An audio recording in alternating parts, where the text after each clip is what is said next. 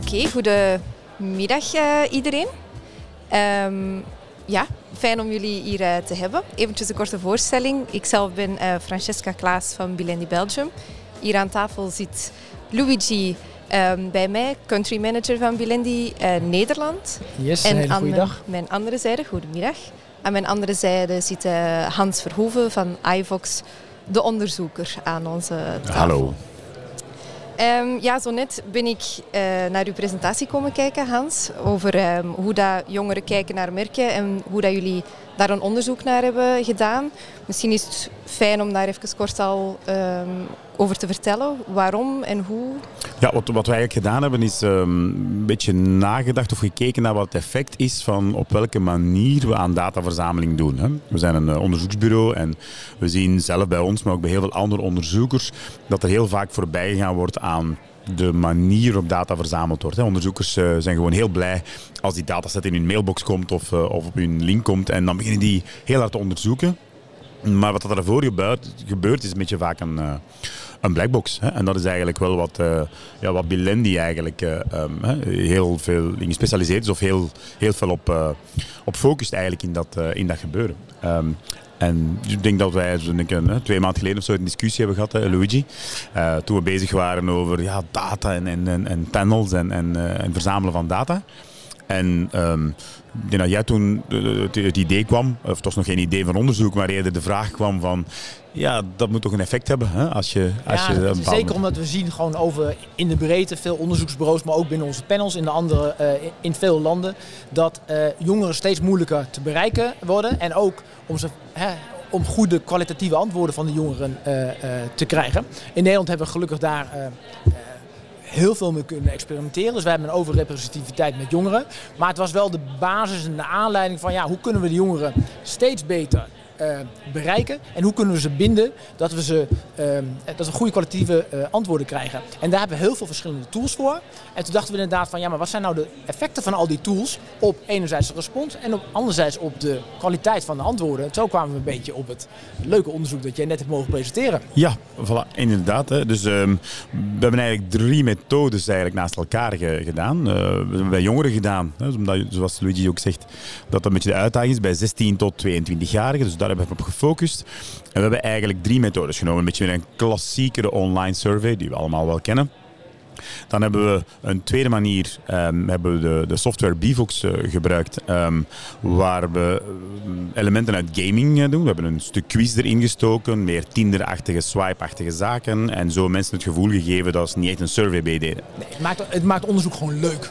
Inderdaad, want dan zie je dat de grootste frustratie is van mensen. Hè? Als we onderzoek doen over onderzoek, want zo zijn we dan als onderzoekers.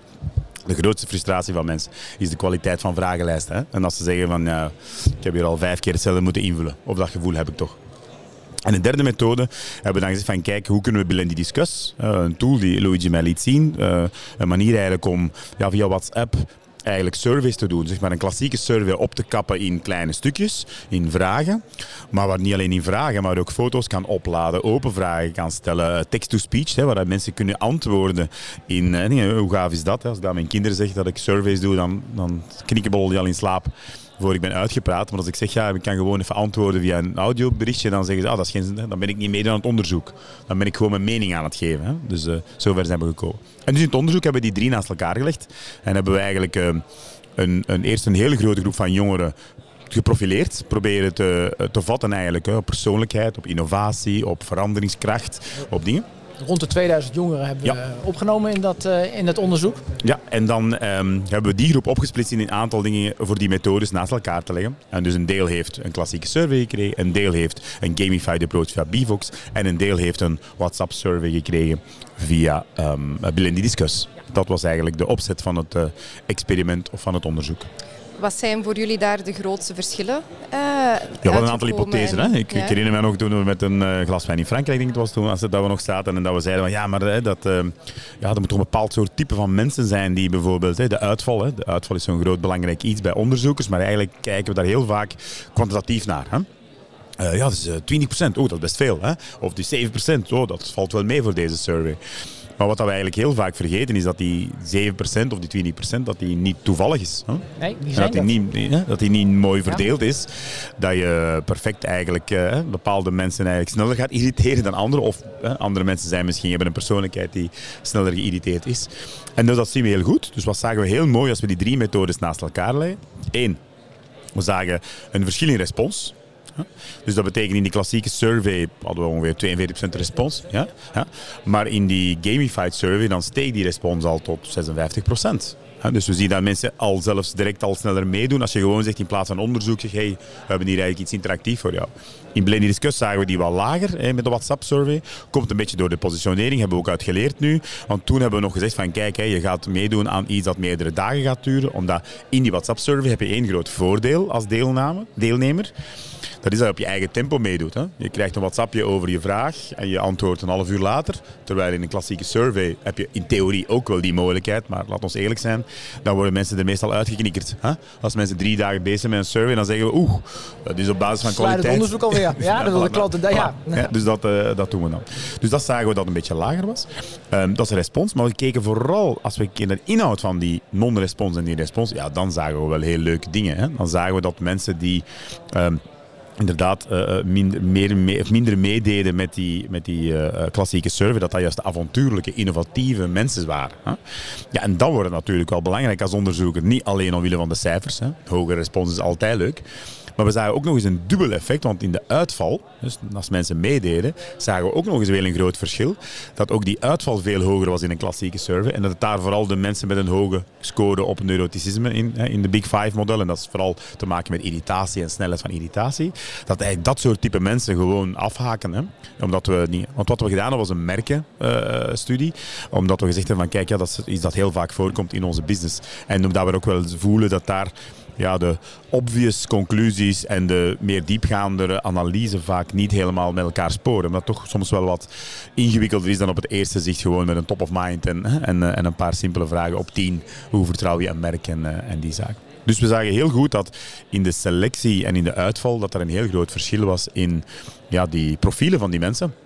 Waardoor het natuurlijk ook wel gevolgen heeft, maar dat straks misschien over resultaten. Dat, eh, dat niet. Maar we zagen ook bijvoorbeeld in de kwaliteit. Eh, Luigi had, eh, had ook gezegd van ja, zeker, zeker een aantal open antwoorden. Want ik ben eens benieuwd, wat doet dat nu eigenlijk? Hè? Als je in een klassieke survey een open antwoord doet, dan is elke onderzoeker altijd een beetje ontgoocheld. Al ik dan toch. Hè? Als je dan terugkrijgt en dan krijg je van dingen zoals van ja, dat vind ik ook. Of eh, dat is zo. Hè? Als je dan vraagt waarom. hè? Geen waardevol antwoord. Voilà, dan zeggen ja. mensen inderdaad, ja, daarom. Hè? Of ik vind dat zo. Ja. En dat is allemaal wel waar, maar dat is... Ja, voilà. Hè? Of ze vullen niet in. Hè? En wat we zagen eigenlijk is dat het gemiddeld aantal tekens...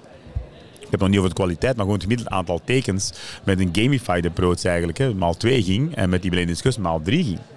En dat werd nog eens leuker of nog eens interessanter als we bijvragen stelden. Na een eerste open vraag kan je ook gewoon iets programmeren. Zegt, oh, interessant, bedankt. Maar kan je nog even specifiëren? Hè? Mensen denken dan dat het speciaal voor hun is, uiteraard. Het blijven computers. Ehm, en dan zag je dat dat eigenlijk nog eens maal 2 ging. Hè? Dus je ziet dat gewoon de data, en dan wordt een onderzoeker altijd natuurlijk heel blij, dat ah, de data gewoon, eh, de hoeveelheid data gewoon toeneemt. En ook de kwaliteit. Hè? We zagen veel minder antwoorden eh, die, die, gewoon, vooruit, eh, die, die gewoon vanzelfsprekend waren. De betrokkenheid neemt toe en de inhoudelijke antwoorden Absoluut. nemen ook gewoon Absoluut, ja. Ja. En het frappante was eigenlijk dat we dat niet alleen gezien hebben met eigenlijk de WhatsApp-survey, met een soort kwalitatief ding, maar ook in de gaming. Hè, als je de context al verandert, mensen in een andere context brengt door ze eerst even een quizje of iets te laten doen, dan zie je eigenlijk dat, dat zelfs die open antwoorden, dat soort dingen, hoger worden en dat dat eh, beter gedaan wordt. En dat heeft ook gevolgen voor de resultaten, hè, want dat is niet alleen een soort eh leukigheidje van een onderzoeker die zegt, oh, hè, dan heb ik een iets ander ding. Bij de klassieke komen wat meer de klassieke merken kwamen naar voren. Hè? Nike, Adidas, Apple, waren de sterkere. Hè? En dan zag je dat dat zo was en dat het nu gaat over dingen. Als je naar de gaming kijkt, dan zag je dat die anderen nog altijd sterk waren. Maar plots kwamen daar zaken zoals PlayStation, hè, zoals Starbucks, Dunkin' Donuts, die eigenlijk gewoon de klassieke dingen. Ja, het, het heeft een aantal eh, aspecten. Hè. Enerzijds eh, heeft het te maken met het feit dat die uitval die in de ene methodiek eh, niet meegenomen werd. En dat zijn de mensen die in de andere hè, met Bifox wel meedoen. Dus dat heeft een groot impact op het totaal. Maar ook de betrokkenheid die gegenereerd wordt door hè, de andere, andere omgeving die je creëert, krijg je gewoon hele andere, betere antwoorden. Ja. ja, want een van de dingen dat we bijvoorbeeld gedaan hadden in het, in het meer gamified approach was eigenlijk twee logo's naast elkaar. Hè? En dan eigenlijk vragen van welke van de twee vind je eigenlijk het diepste en coolste. Hè? En dan zagen we bijvoorbeeld plots dat waar in de klassieke vraagrankings van, hè, van welk merk vind je cool en hip en die dingen, dat TikTok in het midden stond, zeg maar, maar niet van boven. Maar als je gaat kijken naar de, de vergelijking per twee, dus echt moet ik kiezen TikTok en Adidas, TikTok en Nike, dus TikTok en dingen, dan zie je dat TikTok ze eigenlijk allemaal biedt. Hè? En dat eigenlijk altijd maar 45, 55 is voor TikTok. Dus ook daar zie je dat die klassieke manier van meten, waar je bijvoorbeeld vraagt, hè, geef eens een score op 10 of dingen dat, ja, dat dat eigenlijk wel neigt naar meer die klassiekere grotere, meer gekende uh, merken die al heel lang meegaat. En dat meer ja, modernere merken en dat soort dingen, dat die eigenlijk wel op een andere manier dienen gemeten te worden uh, in dat verhaal. Zit er dan voor jullie ergens een, een ja, waarheid als ja, van... Goede vraag, wat is de welke waarheid? tool is de beste? Of, ja, hoe... Kijk, ik denk dat de taak van een onderzoeker is, eh, iedereen heeft zijn eigen waarheid. En, eh, en iedereen kijkt de re realiteit van, een, eh, van zijn eigen invalshoek. Maar wij moeten de, de, het verschil met uh, de werkelijke realiteit minimaliseren. Hè? Dus de foutmarge minimaliseren. Dus gewoon dicht mogelijk bij de waarheid zien uh, te komen. En ik denk als ik, hè, en het mooie is van dit soort onderzoek, omdat we al die methoden hebben uh, onderzocht, dat je enigszins kan eiken hè, tussen het hoofdonderzoek en andere methodieken. Ehm, dus daar komen wel heel interessante inzichten uit. Maar wat is de waarheid? Ik denk dat zeker als je merkonderzoek doet en je hebt te maken met een kwalitatief gedeelte en kwantitatief gedeelte. Dat wil je een volledig beeld hebben, is dat elke methode eh, tot andere resultaten leidt. En dat je dus een zorgvuldig samengesteld geheel moet creëren waar je die methoden naast elkaar gebruikt. Bilingue Discuss bijvoorbeeld, denk ik dat heel goed gebruikt kan worden in het voortraject. Hè, de associaties zeg maar te achterhalen. En in het hoofdonderzoek om motivatie en gevoel naar voren te halen. Ook nog wat door te vragen op het gebied van associaties. Ik denk, BFox is ideaal om associaties en sterkte van associaties. Je kan ook kijken van hoe snel men klikt als het ware op bepaalde uh, merken. Uh, persoonlijkheid kan je heel erg mooi doen. En het standaard panelonderzoek natuurlijk als, als eikmoment in de tijd meten. Uh, dus iedereen heeft eigenlijk, elke methode heeft zijn eigen waarde. Is dat iets wat je, wat, wat je ook ziet of zou je nog iets absoluut, aan toe willen voegen? Nee, nee, absoluut denk ik. Hè? Want ik denk bijvoorbeeld een van de, ik denk direct aan een van de andere zaken die uit het onderzoek kwam. Dat we zagen dat ik bij Blindy Discuss, dus hè, met meer het kwalitatieve aanpak, dan zagen we dat in de motivatie en argumentatie waarom bepaalde merken eigenlijk uh, naar voren geschoven door, door jongeren. Dat daar vrienden en de sociale groep heel belangrijk werd in de argumentatie. En dat zagen we bijvoorbeeld in de klassieke surf, maar ook in de gaming eigenlijk veel minder het geval. Hè? Dat is eigenlijk pas heel zwaar naar boven. Uiteraard speelt het altijd een rol. Maar de zwaarte daarvan, of de, of de dingen, de, de diepte daarvan, die werd eigenlijk heel duidelijk met het kwalitatief gedeelte. Terwijl bij de anderen hadden we gewoon gezegd, ja, dat is een van de factoren die een beetje... Maar het was heel duidelijk dat dat een super cruciale rol was eigenlijk in het, in het denkproces. En dat bewijst mooi wat dat je zegt. Hè. Dus wat, dat, wat dat je eigenlijk wat je wil weten, dat, dat bepaalt dat. Ik denk, de, het gevaar denk ik is gewoon dat voor veel onderzoekers, ook voor onszelf, hè, voor iedereen, is dat we dat op zich weten. Maar omwille van practicalities eigenlijk dan wegmoffelen en vergeten eigenlijk bij de conclusies eigenlijk in het achterhoofd te houden. Daarmee bedoel ik, hè, er is geen tijd of er is geen geld voor alle methodes. Dus we weten dat deze methode dat niet doet, maar we gaan ze toch voor gebruiken. En dat is denk ik het grote gevaar die als onderzoeksdingen, ook natuurlijk te maken heeft met klanten en met, met, met, met geld en budgetten en zo. Maar dat dat eigenlijk iets is wat, dat, wat dat voor mij wel nog eens duidelijk is. En eigenlijk zou iedereen elk jaar dit zo'n één onderzoekje moeten doen omdat je dan eigenlijk als onderzoeker pas eigenlijk echt weet, iets dat je hè, ook geleerd hebt en dat je al lang weet als je al lang meedraait. Maar als je die cijfers zo ziet, hè, zoals we ook gezegd hebben als die dingen, ja, dan moet ik toegeven dat onze hypothese hè, wel bevestigd is, maar dat de sterkte van die hypothese mijn verwachtingen wel overtrof. Hè. Want we weten wel dat het een verschil is hoe dat je daar en daar doet. Maar ja, dat is een paar procent hier of een beetje daar. Dus dat maakt niet zoveel uit. Maar als je dit zo ziet, dan zie je dat bijvoorbeeld, um, wat ik heel, veel, heel vaak zie, um, en ook zelf doe, dat moet ik natuurlijk toegeven, um, noemen we dat dan, voor nieuwe diensten of nieuwe zaken, ja, die bijvoorbeeld weinig zin om te gaan doen in een klassieke survey. Want we zien juist dat daar die innovatieve, avontuurlijke, veranderende mensen eigenlijk gewoon het meeste afhaken of, of zelf selecteren. Dus dat betekent dat elke extrapolatie die je op basis daarvan doet, ja, dat die eigenlijk per definitie al een probleem is. Dus ik denk dat dat gewoon eigenlijk de, de les voor mij en ook voor iedereen is van laat ons af en toe terug naar de bron eigenlijk van het onderzoek wel eens nadenken. En de bron of de basis is dat. Het grappige is, wij zitten vaak aan het begin van de hele keten. En het kostenpost is relatief laag. Maar steeds als je verder in de keten gaat, de waarde van de beslissingen die genomen wordt op basis van de data, is gigantisch. Gigantisch. Ja. En dus ook de fouten die je kan maken. Ja. En dat denk ik is het ding. Ik denk, uh, laten, we, eindigen eh, misschien met, met foutenmarge. Hè, want dat is waar onderzoekers veel over praten en wat klanten die graag horen. Maar we weten dat die foutenmarge er is. Hè. We weten als we een bepaalde methode gebruiken, dat die dingen is. Maar het zou zijn als onderzoeker, dat we eigenlijk dat weten bij de start, maar dat we in onze analyse eigenlijk daar niet zouden mee rekening houden. Hè. Dat is eigenlijk wat we hier met die methodeselectie wel doen. We weten dat dat niet helemaal dit of helemaal dat is, maar tijdens de analyse vergeten we dat. Een soort inconvenient truth. En op het einde van die analyse zijn we dat wij al helemaal bijna vergeten, de klant al helemaal. En de marketeer of de, hè, de, de unit manager of de weet ik wat die uiteindelijk de beslissingen neemt, die is zelfs nooit op de hoogte gesteld hè, van, dat, uh, van dat ding. Want uh, die zijn vakgebied ook niet. Hè. Voilà. Goed. Um, ik weet niet of we een korte conclusie kunnen krijgen van, van heel het gebeuren. Om te zeggen van zo gaan we het mooi kunnen afronden. Ik denk dat we een verantwoordelijkheid hebben naar onze klanten, naar onze merken, onze organisatie als onderzoeker werken. Om te beseffen wat de impact eigenlijk is van hoe we data verzamelen en hoe dat we vragen doen. Want hier hebben we dezelfde vraagstelling eigenlijk grotendeels gebruikt. Dus we hebben nog niet bezig over dingen. Maar dus zelfs als je gewoon kanalen gebruikt, dan heeft dat hele grote implicaties. En daar moeten wij denk ik onze klanten meer bewust van durven maken. Ja, en ik denk daarbij komt kijken dat wij ook de verantwoordelijkheid hebben richting de respondent. Want zijn mening is waardevol en de omgeving en de manier hoe we het vragen en de methodiek die we gebruiken, moet zijn mening echt tot waarde laten komen.